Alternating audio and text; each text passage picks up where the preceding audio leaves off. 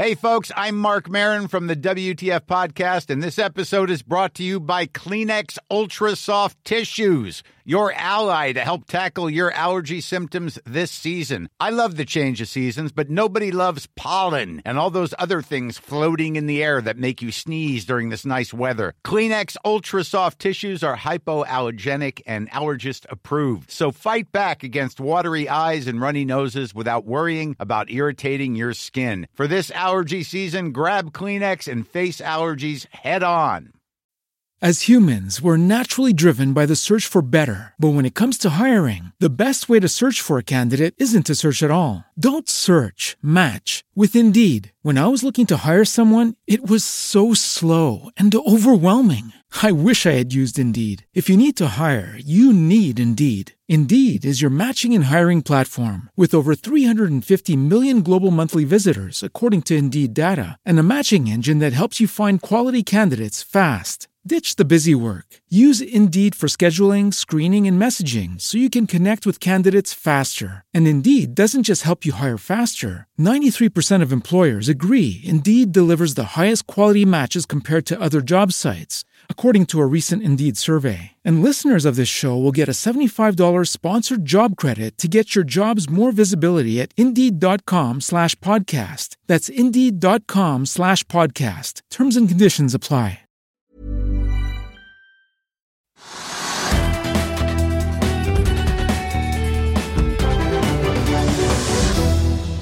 En riktig god mandag alle sammen, og velkommen til Økonominyhetene på denne første børsdagen i uken, 16. januar. Mitt navn er Marius Thorensen. Vi får straks med oss Trygve Hegnar. I dagens sending skal vi se nærmere på fallet i Autostore. Norske investorer som flytter, og noen som holder igjen. Og vi skal se på andre nyheter som preger børsdagen. Det blir også teknisk analyse av Autostore-aksjen mot slutten av sendingen. Aller først da, litt på hvordan det ser ut på børsen akkurat nå. Hovedindeksen er ned 0,6% til 1185 poeng. Vi startet jo så vidt i pluss helt på starten av dagen, men det endte ganske fort i rødt territorium. etter at vi da så hovedveksten legge på seg 0,56% da i forrige uke. Rundt hos Europa er det stort sett eh, grønt i dag, på en, i hvert fall på verdensbasis litt rolig børsdag, i og med at Wall Street holder stengt eh, da i forbindelse med Martin Luther King Day. Litt blandet i Asia, mens vi ser da oljeprisen har tikket nedover. Eh, spotprisen på nordsjøoljen ligger nå ned 0,8% til 84,70. Den amerikanske lettoljen på 79,40, også den ned. Av nyheter det er verdt å eh, merke seg, så nedbemanner Telia nå i Norge med 70 ansatte. Det skal ha blitt annonsert da på et allmøte i dag, ifølge DN. Norgessjef Stein Erik Velland skriver ned på til avisen at 2023 blir et turbulent år makroøkonomisk. Og han peker på at kostnadene øker jevnt over, ikke bare til strøm for å drive alle basestasjonene, men også arbeidsgiveravgiften til regjeringen påvirker konsernet, peker han eh, på. Telia, som noen kanskje vil huske, kuttet jo i guidingen sin i fjor høst, og de plutselig trakk energi helt ut av resultatprognosen sin. Konsernsjef Alison Kirby pekte den gangen på at eh, ingen effektiviseringstiltak kan kompensere for at energikostnadene dobler seg på ett kvartal, slik de altså gjorde i tredje kvartal for eh, Telia. Den eh, kvartalsrapporten den sendte jo Telia-aksjen ned 12,3% på 21.10 på Stockholmsbørsen. Og aksjen eh, falt den gangen da fra litt drøye 32 til drøye 28 svenske kroner. I dag er den på 27,90, så den har fortsatt ikke da hentet seg inn igjen. Oljeproduksjonen på Johan Sverdrup fase 2-feltet er fortsatt nedstengt etter en ytterligere utstyrsfeil. Det melder bransjeavisen Upstream mandag. Kraften fra land er tilbake til fase 2-strukturen etter en strømstans i forrige uke, men oljeproduksjonen forblir nedstengt da for sjette dag på rad, på peker avisen. Equinor er ned halvannen prosent i dag. Aker BP, som også er en stor eier på Johan Sverdrup, ligger så vidt i minus 0,03% ned. En av de store vinnerne i dag, Nordic Mining, stiger nesten 12% nå etter meldingen om at de har inngått avtaler om granatsalg fra Engebø-gruven, som de da etter planen i hvert fall skal skal sanksjonere i løpet av året. Og Det kommer jo da på toppen av avtalene det er inngått tidligere om salg av eh, produksjonen av rutil fra gruven. Begge salgene gjelder da for en femårsperiode. Og Som vi snakket om i Børsmorgen, så går vi nå bare og venter på den siste delen av finansieringen av gruveprosjektet til Nordic Mining. Trolig er det snakk om en emisjon på da i hvert fall 65 millioner dollar, som selskapet har signalisert trengs for å fylle finansieringspakken. Movi kom med tall for fjerde kvartal i dag. Foreløpig tall for slakt og justert resultat. Aksjen eh, ligger opp da halvannen prosent, men Sjømatedekk som er så vidt i pluss. Så får vi også bare ta med da Rekk Silicon, som jo meldte lørdag at selskapets gjenåpningsaktiviteter på Moses Lake går som planlagt, og at de ser da positivt på storaksjonær Hanvas melding i forrige uke om at de skal investere 2,5 milliarder dollar i USA. Den aksjen er opp 4,8 vil du bli oppdatert på det viktigste som har skjedd innen finans og næringsliv? Da er det bare å følge med, for hver morgen er jeg, Marius Lorentzen og aksjekommentator Karl Johan Malnes på plass i studio for å ta tempen på dagens marked i Børsmorgen. Og hver ettermiddag oppsummerer vi alt du trenger å vite i økonominyhetene, og det blir selvfølgelig masse interessante gjester. Klikk deg inn på fa.no-tv, eller søk opp Børsmorgen og Økonominyhetene der du hører på podkast.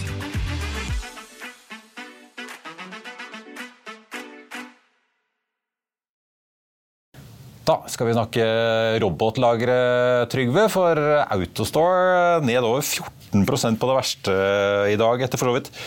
To uh, nyheter. ene var at DNB tar opp dekning på aksjen. Frank Moe er ute med en uh, salgsanbefaling. Og så har både ny og gammel sjef i Autostore vært og snakket med Financial Times. Ja, Det, er det siste jeg ikke fått med meg. Men, men Autostore er en ganske morsom case. da. Og Det skyldes jo det at uh, ja, det, er mange år siden jeg har sett en sånn jojo som det selskapet. For Den falt jo som en sten i fjor. Ja. Det falt 40-50 eller sånn nå. Og så i januar plutselig så var det opp 50% eller 40 og så er det ned igjen og opp igjen. Og så er det da to negative analyser. Og det som er poenget her, syns jeg, det er det at uh, selskapet har vært overpriset hele tiden. Og uh, det er klart at Man kan alltid akseptere det at man har en, en, en sånn price-earning på 30 eller 40 eller 100 hvis man liksom, det er bombesikker at dette selskapet blir bra og tar bare litt tid før det kommer i gang. Og, og, og, selskapet har på en måte drevet og tjent litt penger også, men det som skjedde i januar, det var liksom det verste som kan skje. Det kom et rykte om at det, liksom, at det kommer til å gå kjempebra i 23. Fordi da Amazon ville bruke da liksom modellen fra Autostore på en eller annen måte, et eller annet lagerstørrelse, og teste det ut. Og hvis det testet ut, så ville de da kanskje bruke det på alle sine lagre verden over, og det er mye. Så det var et rykte, et en, rykte ikke bekreftet av noen, ikke indikasjoner på bekreftelse engang, som det pleier å komme gjorde da liksom at man fikk kursen kraftig opp fordi man da trodde på dette her.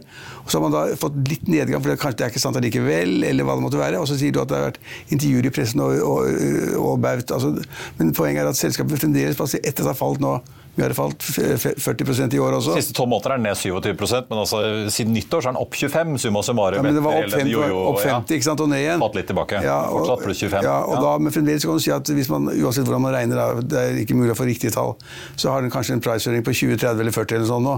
Det skal man jo ikke kjøpe. Nei. Hvis man ikke da aner at det er noe helt genuilt eller genialt i selskapets uh, produksjon eller tjeneste. Og akkurat sånne lagersystemer tipper jeg, Marius, at, for, at det er mange som kommer til å drive med. Det er ikke noe genialt. det er ikke at du liksom, Har du solgt én kontrakt, og så kan du selge liksom ti kontrakter til samme kunden. Har du solgt ett lagersystem til ett firma, så trenger du ikke flere kanskje før om fem eller ti år. Og den mellomtiden vil kanskje da andre firmaer som konkurrerer, ha laget noe vel så, vel så bra. Kanskje. Ja, for, altså, det, i hvert fall Jeg husker jo Amazon selv. De kjøpte jo et firma på Massachusetts, uh, Kiva Robot System, så dette har de jo allerede inne. Ja. Så kan man jo spørre ok, kanskje Autostore har noe nytt. Ja, men men at, at Amazon bare skulle kaste hele investeringen sin på båten. De har jo holdt på nå med Kiva-robotene sine i ganske mange år. så Det virker jo litt spesielt at de plutselig skulle kaste over Autostore. Jeg ville ikke satse penger på det, i hvert fall. Ja. Jeg vil ikke satse penger på det. Det er poenget. Skal man satse penger på det? Nei, man skal ikke det.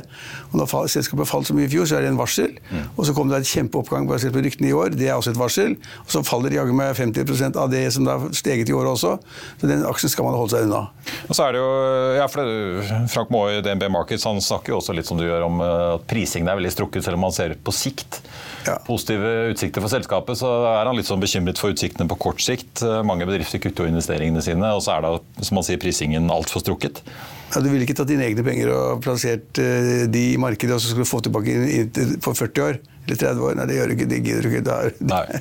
Jeg for så vidt et interessant intervju i Financial Times da i helgen med, med Hovland Vikse, som nå er sjef, og hans forgjenger Karl-Ann Lier. De kommenterer ikke Amazon-ryktene, det vil de ikke si nå, men det de snakker om er at eh, de nå har kommet med en ny modell hvor de reduserer forhåndsbetalingen for da kundene. Sånn at du, du betaler mindre up front, og så mer etter hvert, virker- eh, altså fortløpende per eh, lagerplukk. da. Men det lukter jo litt at, Det er ikke en leasingmodell sånn per se, men det lukter jo litt at eh, man prøver å hjelpe kundene til å fortsatt kunne bestille nye lagersystemer, for at salget kanskje går litt trått. Marius, hold deg langt unna den aksjen. Det er sånn Tesla som kuttet prisen. De gjør vel ikke det hvis salget går så bra? Det Tesla, altså det er altså, altså morsom case, Vi skal kanskje ikke snakke om Tesla, der, men altså den, den var jo altså, var over 400 dollar per aksje, ikke sant? og så falt den ned til 100, litt over 100. Og Da var det på en måte et kjempevarselsignal om at dette er ikke bra, vi må finne på noe helt nytt. og Kanskje, øh, kanskje Musk bruker for mye tid på andre ting, på raketter og Twitter og mye rart. ikke sant? Og folk begynte å bli nervøse. Aksjonærene i Tesla begynte å bli nervøse. Og så begynte aksjene å falle osv. Og, så videre, og så har jeg liksom, da har jeg lurt på hva skjer nå. Og det som skjedde, var jo altså, helt utrolig. At de da på en måte har senket bilprisen med 20% Og det kan de bare gjøre for å bli kvitt altfor store lagre. helt sikkert. At de produserer for mye biler i Tyskland, for mye biler i Texas, hvor de produserer den. Og det produseres og produseres, og lagrene fylles og fylles. Det er alt fordi de må ha det ut. Og vi vet at det er den sikreste måten å få liksom skikkelig lagertømming på, det er skikkelige rabatter, skikkelig eh, prisavslag. Og det er gjort, altså. Og det 20 avslag, jeg vet ikke hva det kommer til å medføre for inntjening til Tesla, men det er ikke bra. Så hvis de som trodde kanskje at Tesla skulle komme opp igjen fra de 100 dollar- dollar per aksje til 400 igjen, de kan bare glemme det, altså. De kan bare glemme. Lagrene er kjempesvære. Og en annen ting er jo det at hvis de da begynner å tømme lagrene for å få da, senke prisen kraftig, så vil det, dette vil smitte på andre bilmerker også. Ja, ja. Hvis det står, liksom, hvis det står Tesla-biler overalt, brukte og nye, så vil det klart smitte på andre biler. slik at dette blir et, det er et kjempedårlig signal for hele bilbransjen i, 1920, i 2023. Og Hvis du går inn, Jeg gikk inn på nettsiden eh, i går her for gøy, og så hvis jeg skulle bestille en sånn Model Y, da, Ja. som har gått ned pluss-minus 100 000 kroner, litt avhengig Det, ja. Marius, det er mye penger. Det er mye penger, men den kan du få levert nå februar, mars, april. Hvis du går inn på andre konkurrenter, så kan du stort sett bare glemme levering, i hvert fall før sommeren. Nå er du, du er kanskje heldig hvis du kan få bil da i løpet av høsten, for der er køene mye lengre. Så det er jo et tegn på at eh, det kanskje er litt ubalanse her, ja. Det er ubalanse, men det vil nok bedre seg i De vil nok få solgt mer av de andre bilene, tror jeg da kanskje. Altså, det vet ikke. Det er sikkert mange som bakker på døren hos forhandlerne nå, Ja, for det- det- prisen har falt så mye. Ja, altså, Konkurrentene må også senke prisen. Da, kanskje 5 eller 10 eller 20% Ikke 20, men kanskje 10 eller 5. 5 og da, ja, jeg vet ikke. Men det der er en kjempekjedelig sak for Tesla, og det er en kjempekjedelig sak for andre bilprodusenter. Og det viser liksom hvordan amerikanerne er mye tøffere enn oss. Altså Elon Musk, Musk og andre de, de er kapitalister. ikke sant? Så skal de liksom få solgt bilene, så setter de bare prisen ned. Og han har noen kinesiske konkurrenter som begynner å bli ganske store. Ja. ja. Nei, det, det, Jeg merker med Autostore-ledelsen eh, de sier at de venter at den sterke veksten innen eh, lagerautomatisering vil fortsette selv om e-handelssalget eller netthandelen eh, stagnerer litt.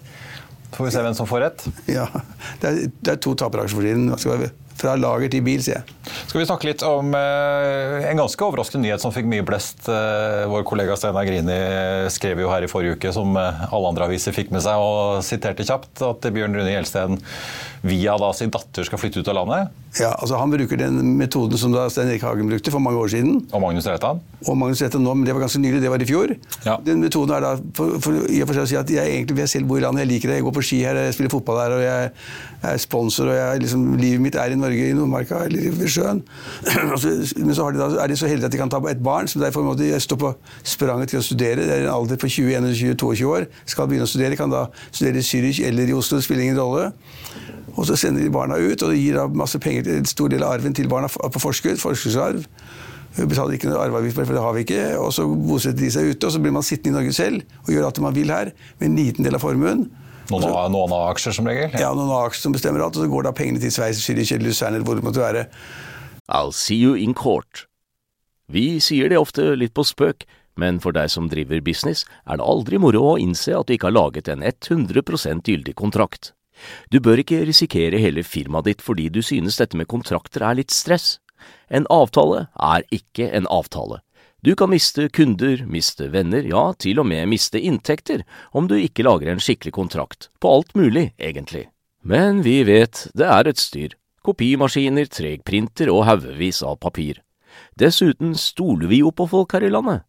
Det er ofte litt kleint å skulle be om en signatur for alt mulig, ja, for mye av styret handler også om jakten på underskriften. Det finnes en enkel måte å løse dette på. Dukkobit. En trygg, effektiv og get this, gratis måte å sikre seg en god natts søvn pluss en juridisk bindende avtale. Dukkobit-appen har de strengeste sikkerhetskrav i bunn, samt en EU-godkjent og sertifisert teknologi. Framover vil det bli behagelig å spørre du, skal vi skrive under på det, eller? Kom i gang på dokobit.no. Og det, altså, det Bjørn Rune Gjelsten sa, som jeg synes var interessant, han sa at jeg betaler 200 millioner i private skatter i året. Det er mye penger. Jeg har betalt sånn fem... Det var jo mange hundre tusen dagen. Ja, ja det blir 25 000 i timen, da.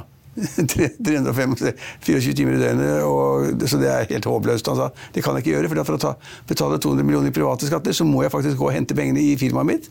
Og da må jeg betale utbytteskatt du tar pengene ut, ikke sant? og det er liksom 38% og I sum så ble det helt håpløst. Han ville ikke gjøre det mer. og kanskje også Han håpet kanskje at han var i såpass mye good business som ville tjene mer penger i årene fremover. Da blir det enda høyere. Han så det sikkert samme som vennen sin øh, Kjell Inge Røkke, som sa at dette kan jeg ikke drive med lenger. Jeg må tappe, tappe Aker for 500 millioner i året for å få penger liksom, til å betale formuesskatten. Det kan jeg ikke gjøre. Det er uansvarlig overfor selskapet. Ikke overfor Gjelsten Røkke selv, men overfor selskapene. Man kan ikke tappe dem.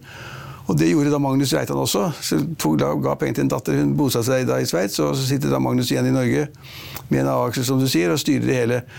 Men Magnus har en bror, vet du, Ole Robert. Hva gjør han? Det, det skulle jeg gjerne vite mer om. Og han har far, Odd Reitan. Hva gjør han? Foreløpig er de her. Ja, men de, hvor, hvor, lenge vil de sitte og se? Odd Reitan har jo sagt han skal ja, de, de, ja, men de, har, ja, de har delt Reitan-konsernet i tre, så de eier en tredjedel hver. Det er jo pent gjort. Far og sønner. Men klart, Både Ole Robert og Rold Reitan vil ikke sitte i Norge og se det at sønnen, altså den ene sønnen betaler 200, 300 eller 400 millioner mindre skatt i året. Det er litt Man får husleie å bo i Norge hvis du betaler den skatten, mens han slipper. Og Det kommer vi til å snakke så mye om i middagsselskapene fremover, at det, der, det kan ikke overleve. Så mange flere vil akkurat det samme. Sende unga ut, la de studere i utlandet, gi de alle pengene. Null, null formuesskatt, og sparer da 10 millioner, eller 50 millioner eller 100 millioner i året. Og det er jo ganske morsomt. En som sier, eller i hvert fall sier de skal prøve å bli boende. Witzøe-familien, altså SalMar-gründeren og sønnen. Ja, de er... er det fordi at de vil få litt goodwill nå som lakseskatten fortsatt ikke er formelt vedtatt i Stortinget? Eller er det, det et... lokalpatriotisme til og sterke bånd til Frøya, tror du? Det er et godt spørsmål. Jeg kjenner ikke familien, jeg har aldri snakket med dem, så jeg, kan, jeg vet ikke hvordan de tenker. Men jeg er jo nesten sikker på at dette er et ledd i liksom at ja, de tenker nok på det at altså junior skal, han skal ikke drive operativt han skal ikke drive operativt i Norge, han skal være eier. Og da vil han bo i utlandet. For det spiller ingen rolle om han bor i Syria, eller Oslo eller Lysern. Og så vil de ikke si det akkurat nå. Altså Hvis de planlegger da på en måte en overføring til utlandet ved junior, så kan midt i den debatten om grunnrentebeskatning og skatt for laks og alt mulig, så vil de ikke snakke om det i det hele tatt. Jeg tipper at dette er første skritt på å si at han skal ikke være operativ, dvs. Si at han skal gjøre noe annet. Det vil si investeringsmessig, eiermessig, og det blir i utlandet. Det vil jeg tippe. Men jeg har ikke peiling, men det vil jeg tippe det er en naturlig skritt i neste gang.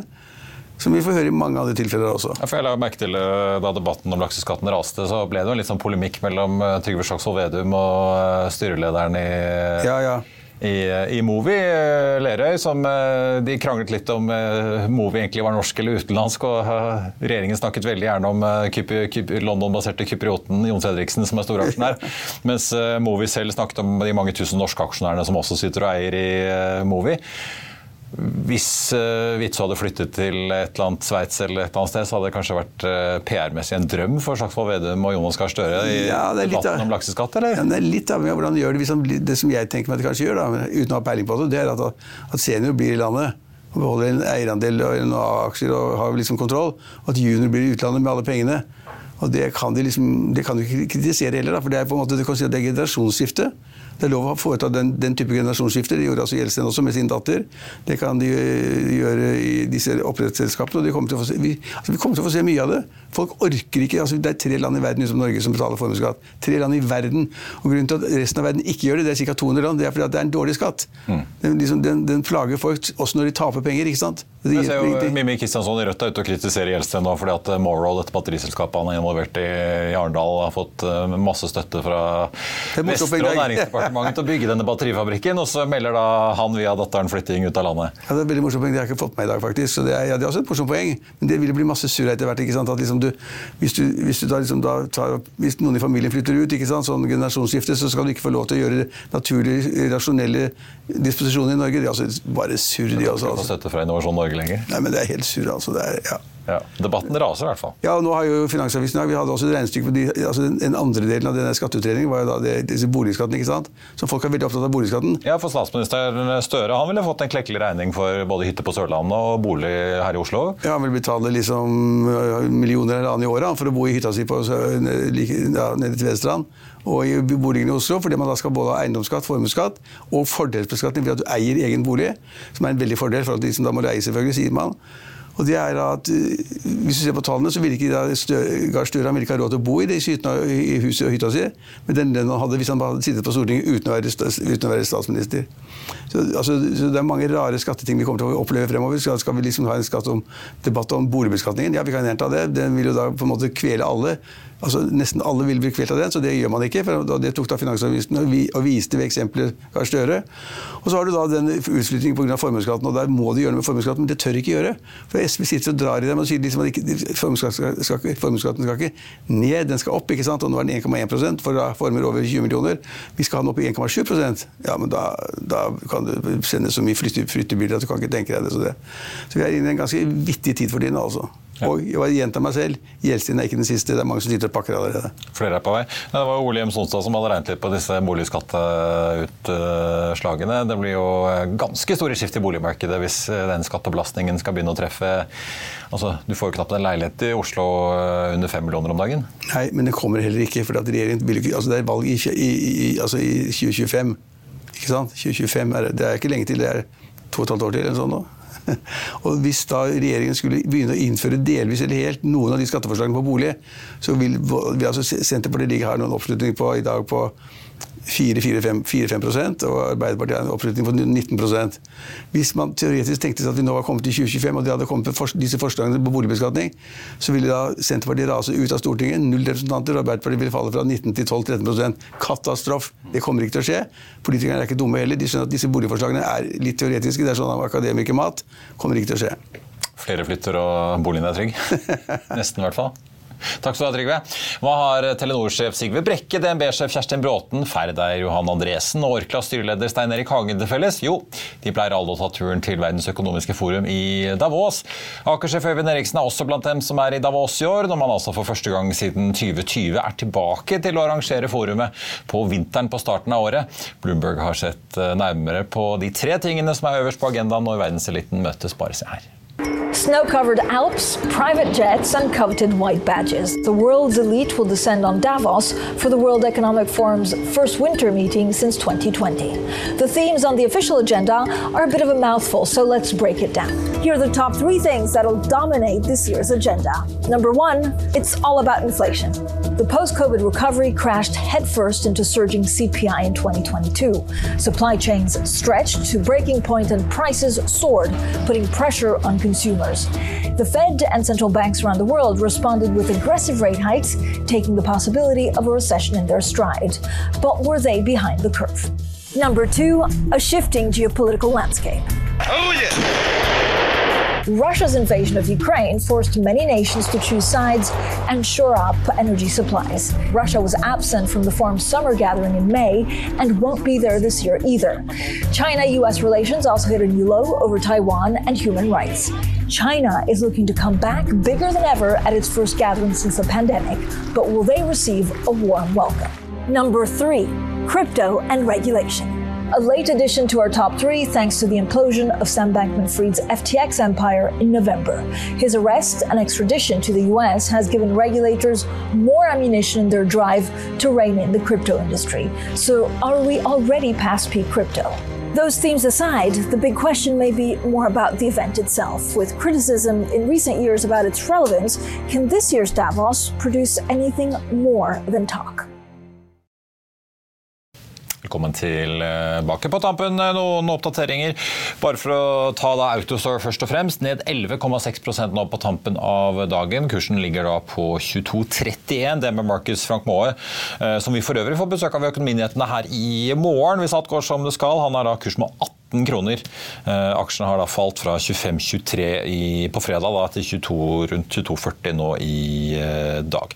Ellers har vi Nordic Semiconductor. Fortsetter eh, nedover i dag. Den falt jo på da, nesten 6% på fredag. Faller 2,5 til i dag, til 164,40. På fredag ble det kjent at UBS nedgraderer aksjen. DNB Markets varslet i dag at de tar Nordic Semi ut av porteføljen. Som man jo kanskje fikk med seg forrige uke, så har jo da sektoren vært litt eh, diskutert. Taiwan Semiconductor, en av de store aktørene i næringen, kom jo da med en prognose om at de forventer en oppbremsing da i første kvartal, for å si etter veldig gode tall da for fjerde kvartal. Ellers verdt å få med seg DNB, som faller 2,5% til 186,80 i dag. Bank of America nedgraderer DNB til underperform fra kjøp, og Barclays er ute. og De har også da høynet kursmålet litt, men eh, tar også og kutter litt i anbefalingen. Eh, kursmålet er nå på 177 da, fra Barclays på DNB, så det betyr da fortsatt en, eh, ja, rundt en 9 kroner under dagens kurs.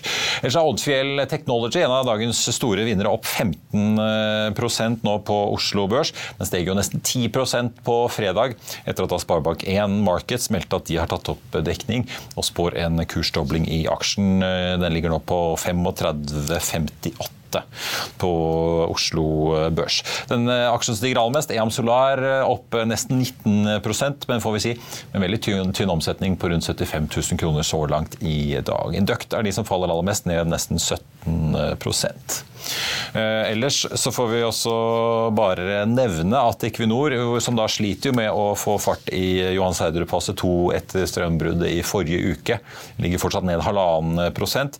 Hovedeksten på Oslo Børs ned 0,66 til 1184,60, med en oljepris som ligger og vaker rett under 85 dollar fatet. I Finansavisen i morgen så kan du lese Trygve Egnars leder om margarinmarginleken. Du kan lese om analytikere som mener Den europeiske sentralbanken kommer til å kutte renten allerede til sommeren. Og så kan du lese om Hurtigruten som får nytt lån fra eierne sine. Og noen som spår at komplettaksjen vil gå nord og ned. Og så blir det selvfølgelig masse mer stoff om hva som rører seg i økonomiens verden. Det var det vi hadde for deg i dag her i Økonominyhetene. Husk at vi er tilbake igjen med Børsmorgen 08.55 i morgen. Da får vi besøk av analytiker Christian Spetalen, og deretter altså med Frank Maae i DNB Markets klokken 14.30 om Autostore. I mellomtiden får du som alltid siste nytt på fa.no. Mitt navn er Marius Orensen. Tusen takk for at du så eller hørte på. Så håper jeg vi ses igjen i morgen.